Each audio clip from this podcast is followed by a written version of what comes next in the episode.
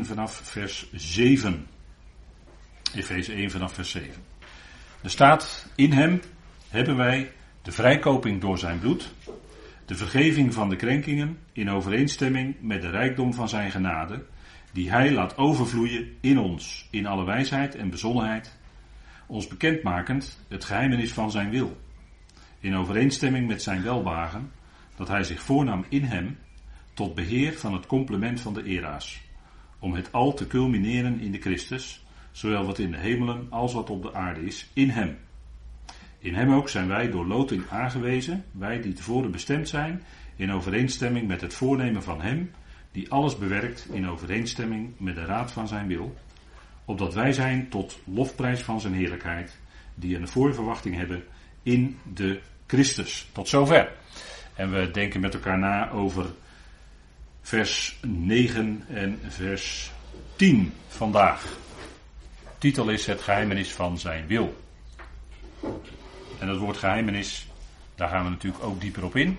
Maar we kijken eerst even naar een aantal geheimenissen, om het zo maar te zeggen, die in de Efezebrief voorkomen.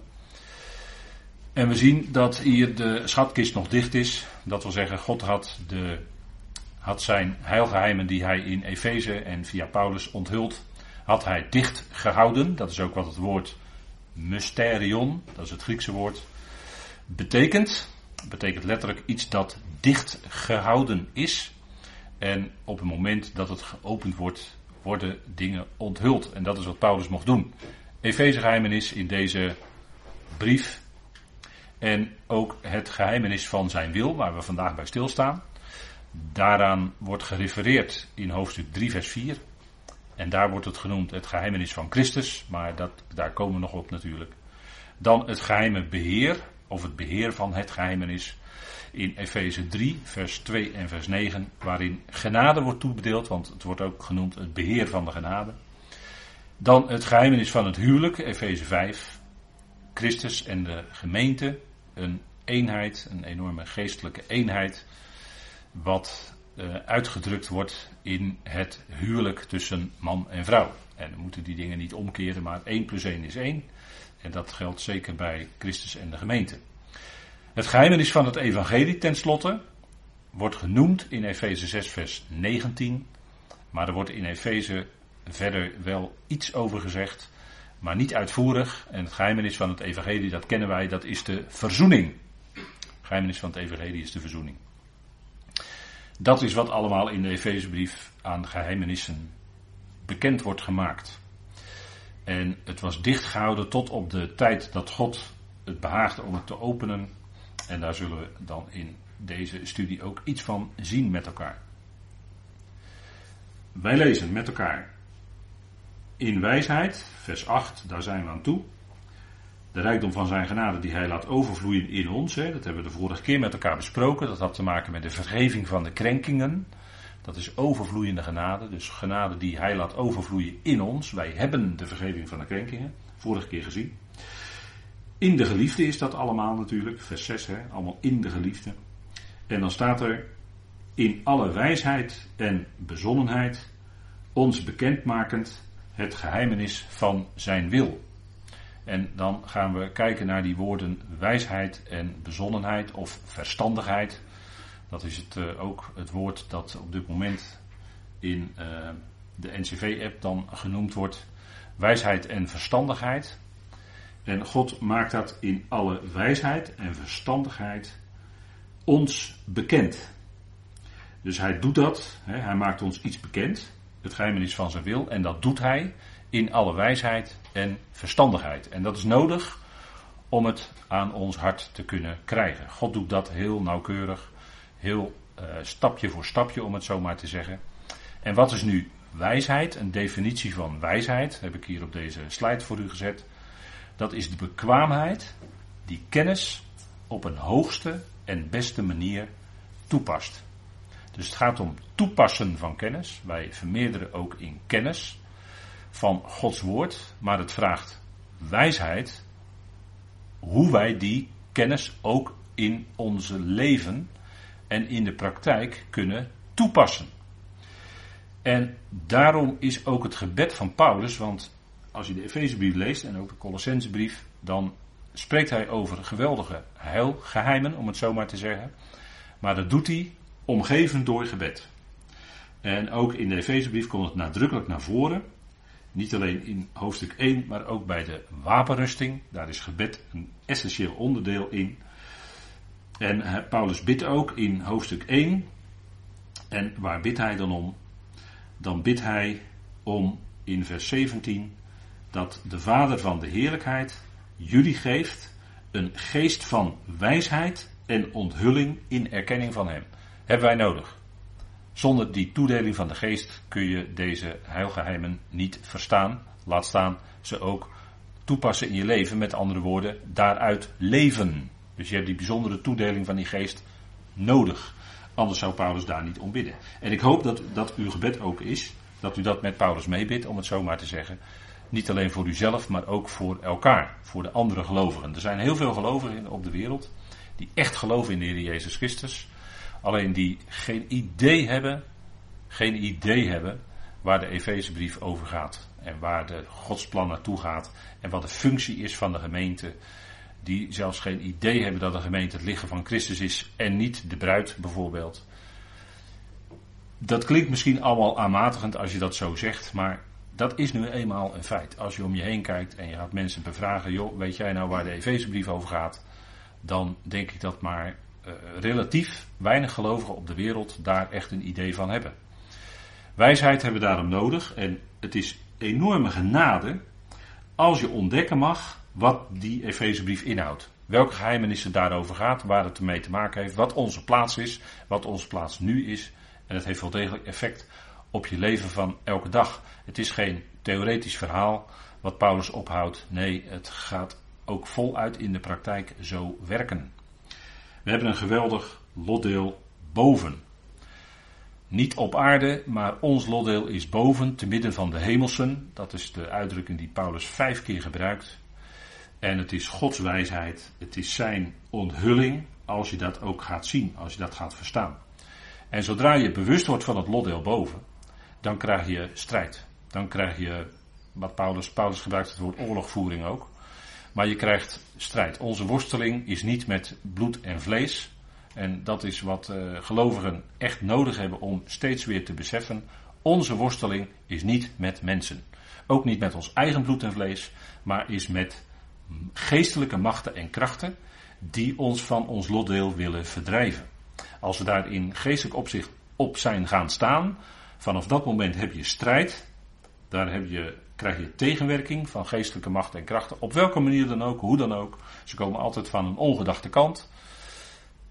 Maar je hebt ermee te maken. De apostel Paulus had ermee te maken en daarom was Paulus ook in zijn brieven, wij zouden zeggen, nou kon het nou niet wat minder, kon het nou niet wat minder scherp gezegd. Nee, de apostel Paulus moest dat ook zo scherp stellen.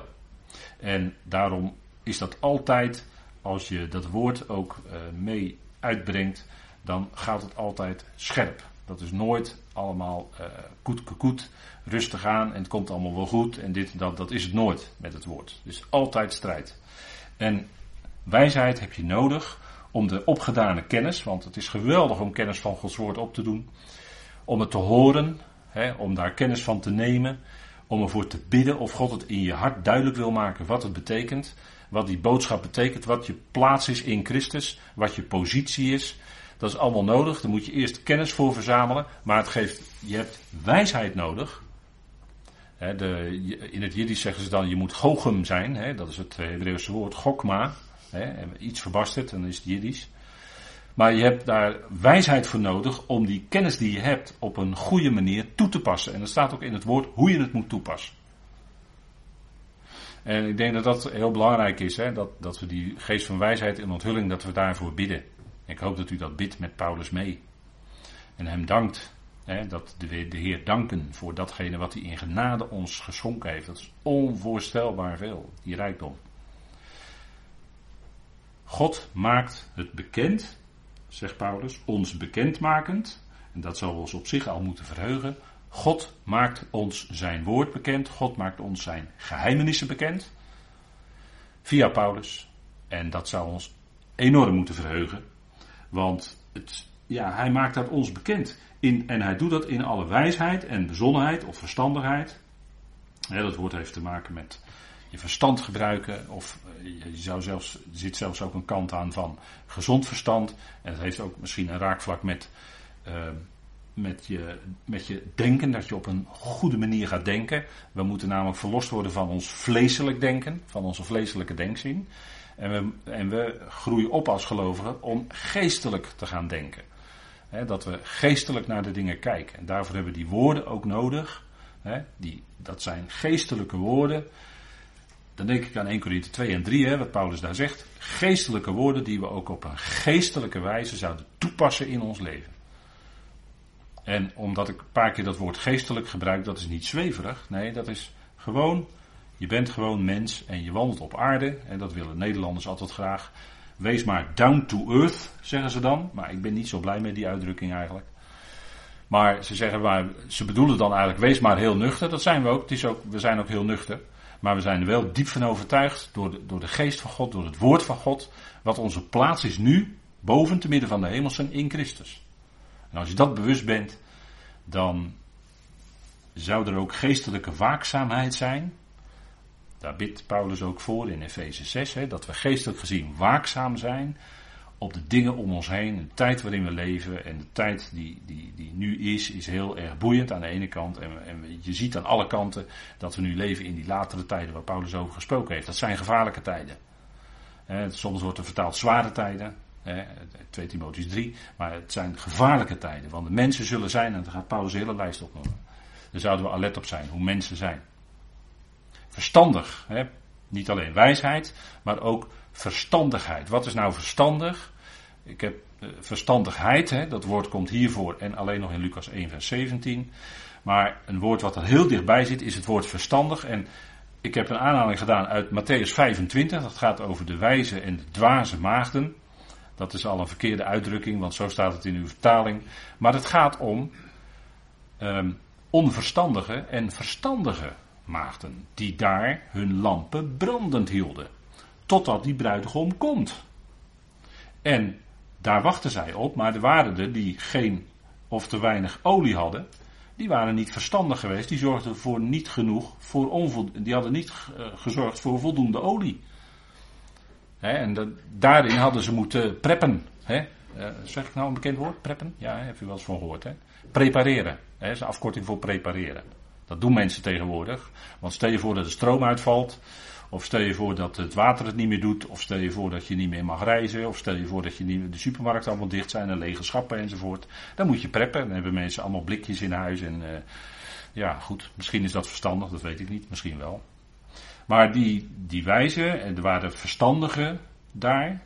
Dat, dat is een beeld van de volkeren in Matthäus 25. Gaat het over volkeren. Verstandige en minder verstandige volkeren. En je moet zorgen dat je olijfolie hebt. Dat is natuurlijk een beeld van de geest van God, dat je lamp brandend is enzovoort. Verstandig. Jullie zijn verstandig, zegt Paulus ook in 1 Corinthië 4. Hè? Bedoelt hij dan ironisch? Ik ben dwaas, zegt hij tegen de Corinthiërs. Ik ben dwaas, Paulus. Maar jullie zijn verstandig. Ironie, hè? In feite was het natuurlijk precies andersom. De Corinthiërs waren dwaas, die keken naar mensen, die beroemden zich in mensen. In goede sprekers, in charismatische sprekers, in sprekers die beschikten over een goede retorica en al dat soort dingen. Nou, Paulus beschikte niet zo over goede retorica hoor. Paulus zei gewoon rechtuit Gods woord. En of dat nou retorisch verantwoord was, ja of nee, dat, uh, dat zoeken ze op hoog academisch niveau maar uit. Maar Paulus schreef gewoon die brieven zoals hij ze moest schrijven. Hij sprak en hij was niet zo populair als spreker, want ja, er waren anderen die konden veel beter spreken dan hij. Alleen hij sprak wel met inhoud.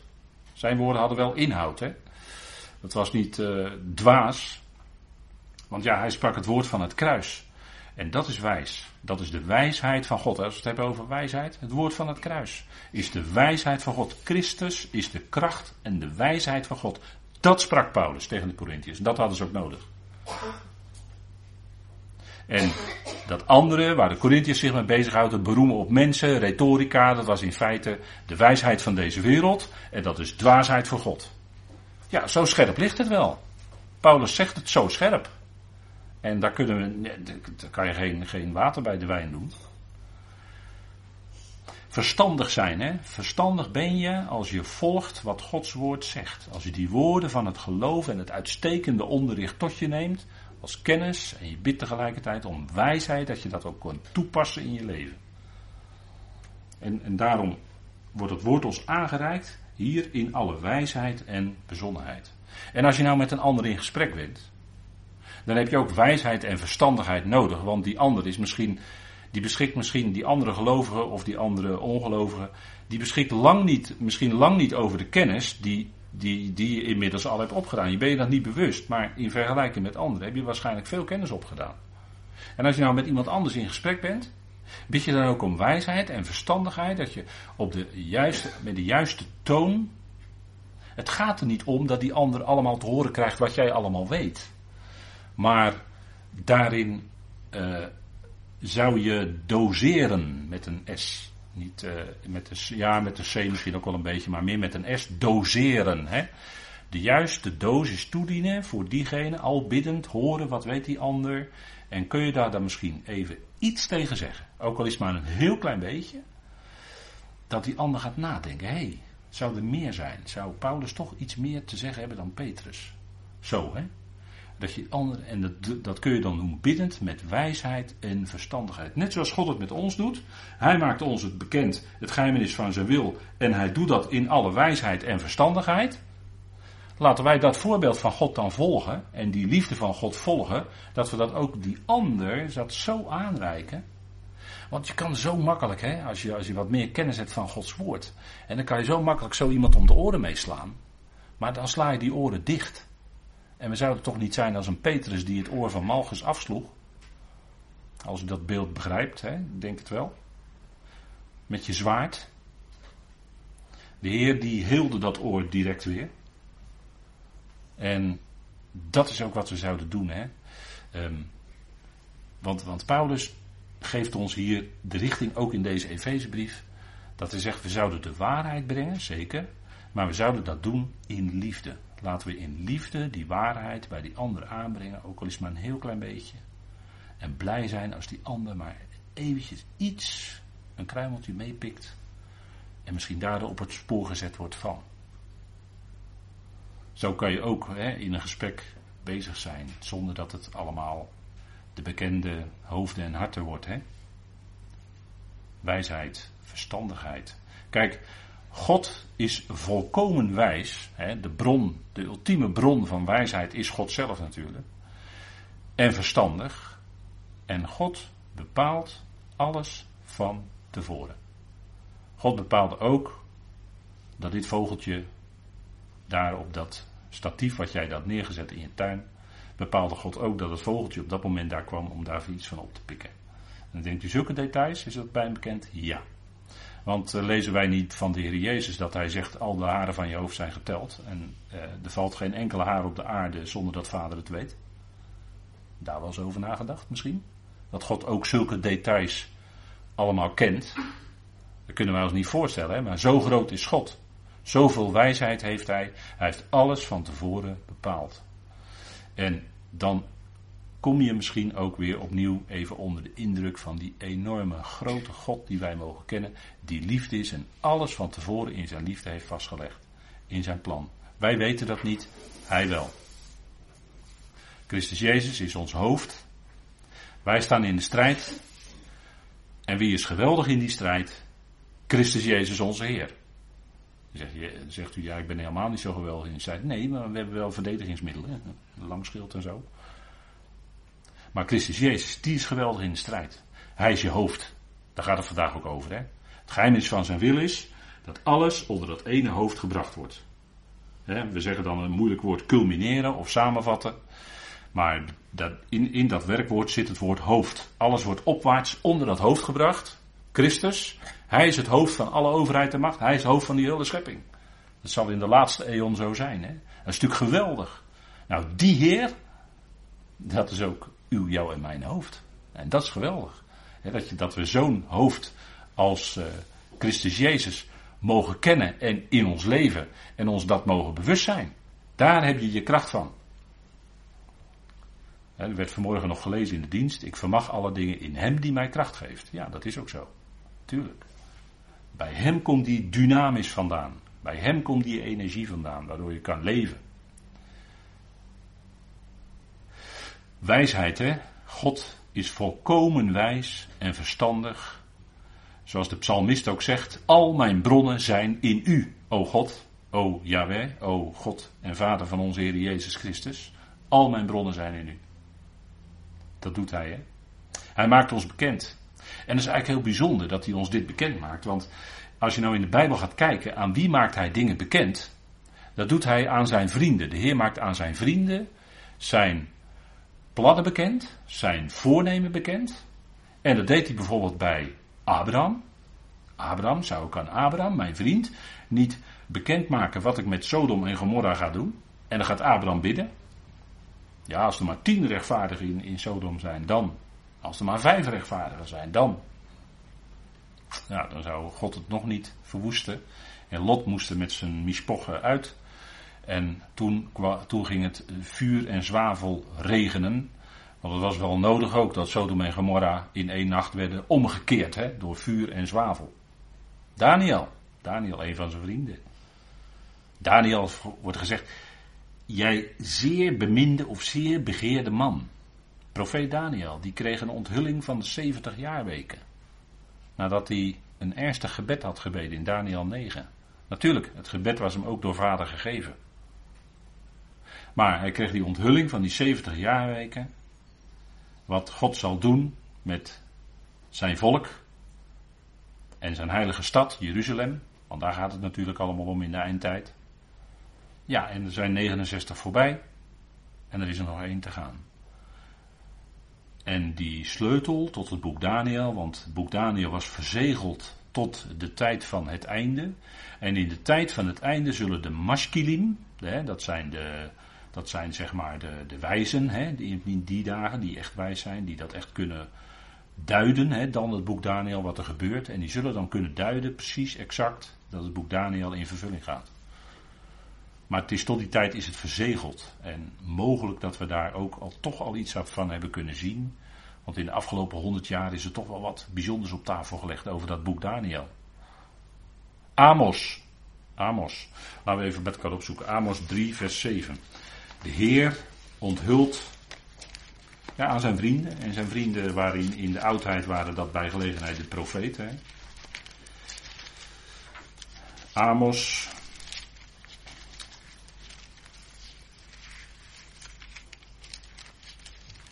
Dat is na Joel, geloof ik, hè? Amos, ja. Amos 3. De boer uit Tekoa, weet u wel. Daar kunnen kinderen mooi van zingen. En in vers 7 staat, voorzeker, Amos 3 vers 7, voorzeker, de Heere Heere, dat is Adonai Yahweh, doet niets tenzij hij zijn geheimenis heeft geopenbaard aan zijn dienaren, de profeten. En dat woord geheimenis, uh, dat heeft te maken met uh, dat wat hij beraadslaagd heeft, of zijn beraadslagingen.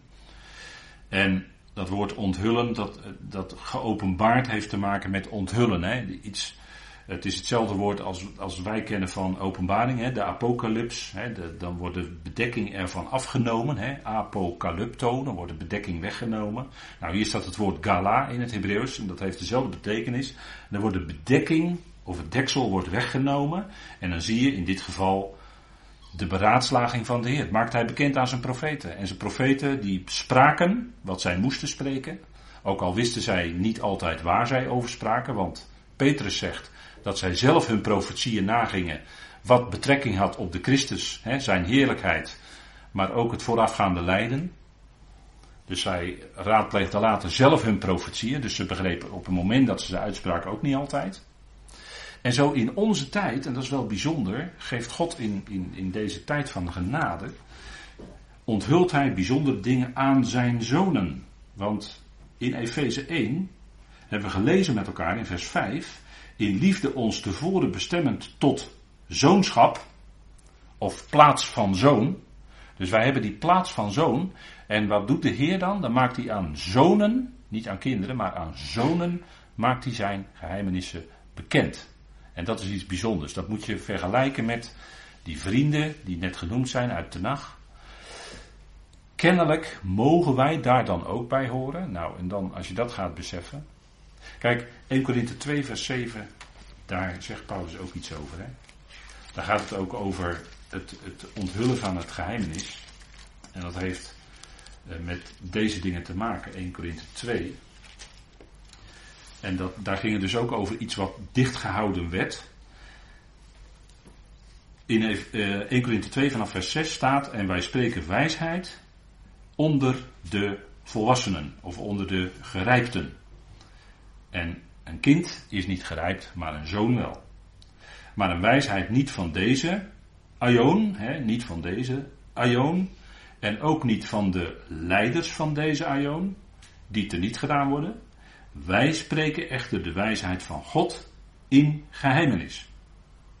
Die verborgen was en die God voor de eonen voorbestemd heeft tot onze heerlijkheid. Dan heb je ook weer het woord horizon. Hè? Dat, dat tevoren had God al die horizon, had God al tevoren bepaald dat die wijsheid, die hij al van voor de Ionen in zijn plan had besloten, in al de wijsheid, voert hij zijn hele plan uit. Voor de Ionen was dat al vastgelegd. En die wijsheid maakt hij nu bekend aan de volwassenen in het geloof, aan de gerijpten. Dat is toch heel bijzonder, denk ik. En dan gaat Paulus door in vers 8 die niemand van de leiders van deze aion gekend heeft. Immers, als zij die gekend hadden, die wijsheid, die verborgen wijsheid van voor de aion, zouden zij de Heer van de heerlijkheid niet gekruisigd hebben. Want die wijsheid van God van voor de eonen had alles te maken met het feit dat zijn zoon ook gekruisigd zou worden. En enorm zou lijden aan het kruis. En als de leiders, zoals Pilatus en Herodes, dat geweten hadden, en de Joodse leiders, dan zouden zij de Heer van de Heerlijkheid niet gekruist hebben. Maar ze hadden geen idee. En zonder te beseffen bleken zij uh, precies te doen wat tevoren naar de bepaalde raad en voorkennis door God besloten was. Zegt Petrus op de Pinksterdag. En dat is dus niet iets wat, zij, wat een mens had kunnen bedenken. Nee, dat had God van tevoren bepaald en heeft die, maakt hij successievelijk in de brieven van Paulus bekend. In deze Korinthebrieven nog niet. Hij hint er hier wel op, maar hij maakt nog niet bekend. En zelfs in de tweede Korinthebrief, als hij ervan spreekt dat hij opgetrokken is geweest tot in de derde hemel en heeft gezien het paradijs van God, dan had hij een, op dat moment, vertelt hij, dat hij iets gezien had van die nieuwe aarde. Dat is het paradijs. Maar nog niet van de hemelse heerlijkheid die in die laatste eon er zou zijn, maar van die pas gaat spreken in zijn latere brieven, onder andere de Efezebrief. Vooral de Efezebrief moet ik dan zeggen. En dat wat op de nieuwe aarde zich zou manifesteren, om het zo maar te zeggen, dat, dat de hemelse Jeruzalem dat neerdaalt enzovoort, wat we gezien hebben met de openbaring, die onthulling was kennelijk voorbehouden aan Johannes op Patmos. Paulus heeft het wel gezien, maar mocht er kennelijk niks over zeggen, was voorbehouden aan Johannes. Maar Paulus kreeg hogere heerlijkheden geopenbaard, hogere geheimenissen over de hemelse macht en krachten, de hemelse heerlijkheid. En dat is een grotere heerlijkheid dan de aardse. Dus als we deze dingen met elkaar overwegen, dan zijn dat dingen die in een mensenhart niet is opgekomen, hè, wat Paulus dan in die volgende vers over gaat spreken, dat komt niet in een mensenhart op, dat wordt je onthuld door openbaring. Paulus had het ook ontvangen door openbaring van Jezus Christus. En de dingen die ons geschonken zijn, dat kunnen wij alleen maar leren door de geest. Want zegt vers 12 niet, en wij hebben niet ontvangen de geest van de wereld. Over de wereldgelijkvormigheid gesproken. Hè? Maar we hebben niet ontvangen de geest van de wereld, maar de geest die uit God is, opdat we zouden weten de dingen die ons door God genadig geschonken zijn. En dat is waar we al jaren mee bezig zijn. En wat je ook steeds herhaalt, want uh, door herhaling ga je het beter verstaan in de loop van de jaren. je kunt niet een cursus bij Paulus volgen, bij wijze van spreken één jaar en dan weet je alles in de diepte. Wel nee, dat duurt jaren en jaren en jaren. En dan steeds weer herhalen, steeds weer die brieven van Paulus herlezen, herluisteren eventueel. Opnieuw tot je laten doordringen. Ervoor bidden of God je die wijsheid en die onthulling wil geven.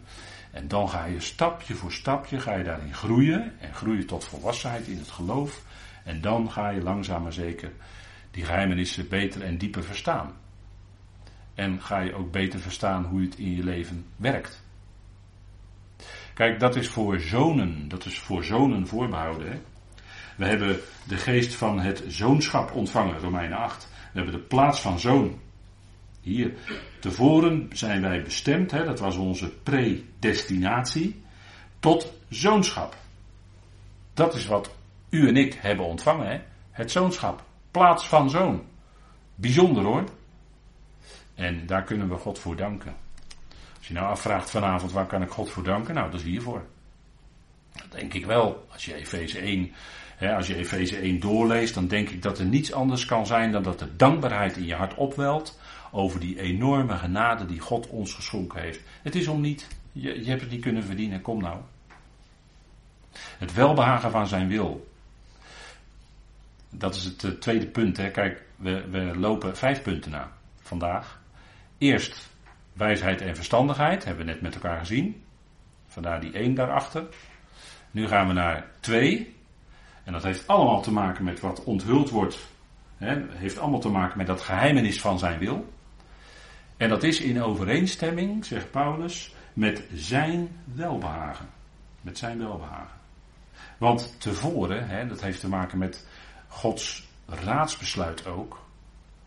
We lezen in Efeze 1 hier over, u ziet het hier, hè, het welbehagen van zijn wil, dat heeft te maken met ons zoonschap. En het geheimenis van zijn wil, daar zijn we vandaag mee bezig. Wat dat precies is en wat het inhoudt, dat is enorm veel en rijk. En dat is in overeenstemming met zijn welbehagen. Want om dit plan te ontwerpen en dit geheimenis van zijn wil bekend te maken en uit te voeren, heeft God daar tevoren voor de eonen met iemand overleg over gevoerd? Nee, dat kon niet. Eh, God was zelf de ontwerper van alles. En Waar is het dan mee in overeenstemming? Het is in overeenstemming met zijn welbehagen. Dus het is Gods welbehagen, Eudokia, om het zo te doen. Het is zijn welbehagen. Het, het ligt niet in ons. Het ligt niet in welk schepsel dan ook. Nee, het lag in hemzelf, in zijn hart, in zijn welbehagen. Daar komt het allemaal uit voort. we, we, hebben gezien dat Efeze de brief is van harmonie. Daarom steeds dat woordje in overeenstemming met dat, dat geheimenis van zijn wil, dat is, dat hij dat bekend maakt, dat is in overeenstemming met Gods welbehagen. Bijzonder hoor, bijzonder. Dat is het tweede punt hè, wat hiervan gezegd wordt. En Paulus die schrijft dan stapje voor stapje toe naar datgene wat hij gaat bekendmaken. En dat is opdat wij, omdat hij ons meeneemt en wij stapje voor stapje met hem meelopen en iets gaan zien. Kijk, als zonen, als zonen, worden we stap voor stap ingewijd in de geheimen van God. En dat is wat in het dagelijks leven een vader doet met zijn zoon, een moeder doet met de dochter. Naarmate het kind opgroeit, vertel je ze steeds meer wat ze kunnen dragen en wat nodig is op die leeftijd. En ga je stapje voor stapje ga je ze dingen bekendmaken. Ik, ik kan me zo voorstellen, iemand gaf dat ook in een studie een voorbeeld van, dat uh, ouders of ja, met, met hun kinderen misschien wel op tafel gaan zitten en ze hebben misschien een plan bedacht om een huis te gaan bouwen, ik noem maar wat. En dan gaan ze met die kinderen uitgebreid die bouwplannen helemaal bespreken. En stapje voor stapje bekendmaken aan de kinderen wat nou dat bouwplan allemaal inhoudt, wat het gaat worden, wie welke kamer krijgt en uh, er moet een kelder in en een koekoek en uh, weet ik wat allemaal. En dan ga je dan allemaal stapje voor stapje aan je kinderen bekendmaken. En dat is met de bedoeling dat die kinderen naar die ouders kijken. Zo, pa en ma hebben dat samen bedacht. Fantastisch. Wat een mooi huis gaat dat worden. Zoiets, hè? En dan overgezet op God. Het is maar een heel simpel voorbeeldje, maar goed. Kijk, als zonen worden u en ik stapje voor stapje ingewijd in die geheimen van God. En het is zo fijn als je dat weet. Maar als je nou een geheim van God weet, dan krijg je toch ook de drang om dat door te vertellen aan anderen. Wat jij dan hebt leren kennen van God. Hoe God is, wie Hij is, wat Hij doet in deze tijd. En waar die, vooral waar die naartoe werkt. Hè? Want we hebben natuurlijk een geweldige verwachting. daar, dat, dat, dat, die versen die we gelezen hebben, die spreken daarvan. Hè? Een geweldige verwachting. Dat is geen onzekere hoop. Nee, dat is een verwachting. En uh, dat, dat is waar we naartoe leven. En wij mogen als eerste dan daar deel aan hebben. In zijn geliefde zoon. Daar had God allereerst zijn plannen aan bekendgemaakt. En voor wie in feite dat hele plan ontworpen werd. Mijn zoon, zei hij, ook toen hij gedoopt werd, in wie ik mijn welbehagen heb. Die zoon. Daarvoor had God het hele plan ontworpen. Dat die zoon dat zou uitvoeren en dat die ook alles zou bewerken voor God en dat alles zou zijn tot eer van Hem. Want Paulus die schrijft toch in Colossense 1, dat hebben we met elkaar gezien, hè, dat het al, dat is dus die hele schepping, hemelen en aarde, al die schepselen, het al is door Hem en ook naar binnen, hè, letterlijk staat er dan naar binnen Hem of voor Hem geschapen. En Hij is ook voor alles en alles heeft zijn samenhang, heeft zijn cohesie in Hem. Waarom klapt deze wereld niet uit of in elkaar? Omdat alles zijn samenhang heeft in Hem, in die Zoon. Dat is het geheim. Dat is het geheim wat wij mogen weten. Daarom zijn we ook niet bang dat er een enorme implosie of explosie komt. Die komt pas na de vierde aion. Hè? Als de hemel en een aarde. En dan is, gaat het ook gepaard met een geweldig geluid, zegt Petrus. Nou, misschien is het wel een implosie of een explosie, dat weet ik niet. Waardoor die hele schepping die er nu is, vergaat. In ieder geval met veel vuur. En dan komt er een nieuwe voor in de plaats. En dat is waar we naartoe gaan. En dat, die, die laatste eon zal dan helemaal tot eer ook zijn van de zoon. Hè. Daar zal hij regeren. Het geheimenis van zijn wil. Het geheimenis van zijn wil. Kijk, en dan gaat de schatkist open. Het was dichtgehouden.